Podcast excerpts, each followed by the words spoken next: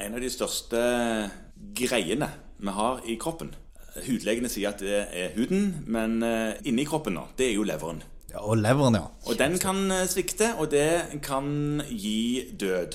ja. Hvis den svikter, så gir det død. Ja. La oss bare si det sånn. Ja. Det, du klarer deg ikke uten lever. Men man kan transplantere lever og sånne ting. Ja. Og man kan behandle lever, men eh, noen dør av leversvikt. Ja, mange?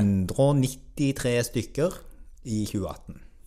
Ja. Ok, så noen, eh, noen dør der òg. Ja. Mhm. Og det er jo en sånn sekk av årsaker som gjør at du havner i en kronisk leversvikt. Ja, så det er flere ting som gir dette. Ja. ja. Den vanligste, det er kronisk alkoholoverforbruk. Ja, men det er jo en dødsårsak vi allerede egentlig har Ja. snakket om.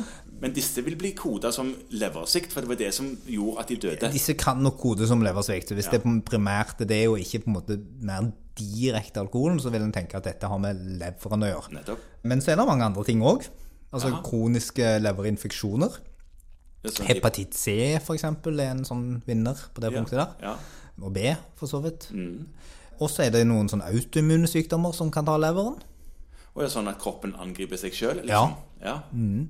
Ja. Fryktelig eh, vanskelige og sjeldne sykdommer, egentlig, Ja. men de fins.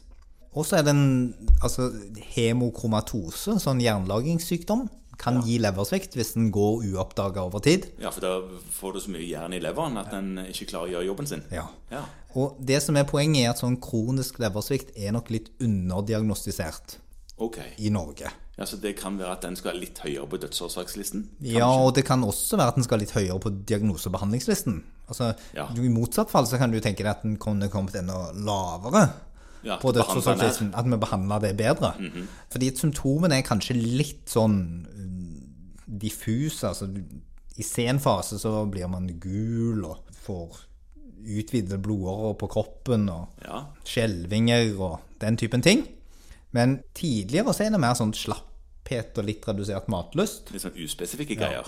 Og det er egentlig litt synd, for det er ganske i utgangspunktet enkelt å avdekke på noen blodprøver om leveren er i forskjellige stadier av leversvikt. Ja, for leveren driver jo på med en bråte med ting. Og leveren er et fantastisk organ. Den kan jo faktisk vokse ut igjen. Altså, det er et av de få organene i kroppen som virkelig kan reprodusere seg sjøl. Sånn at Eller regenerere, eventuelt. Ja. Regenerere tror jeg er bedre å si. Ja. Men derfor er det også sånn at hvis du på en måte klarer å berge dette før hele leveren har svikta, så klarer du deg med ganske godt med bare litt lever. Ja. Sånn at hvis man er i fare for å utvikle leversvikt fordi man har en av disse sykdommene, så må det viktig at man går ofte til kontroll, følger med på det, sånn at det kan gjøres noe hvis du er i ferd med å utvikle en leversvikt. I verste fall kan den transplanteres. Det går an.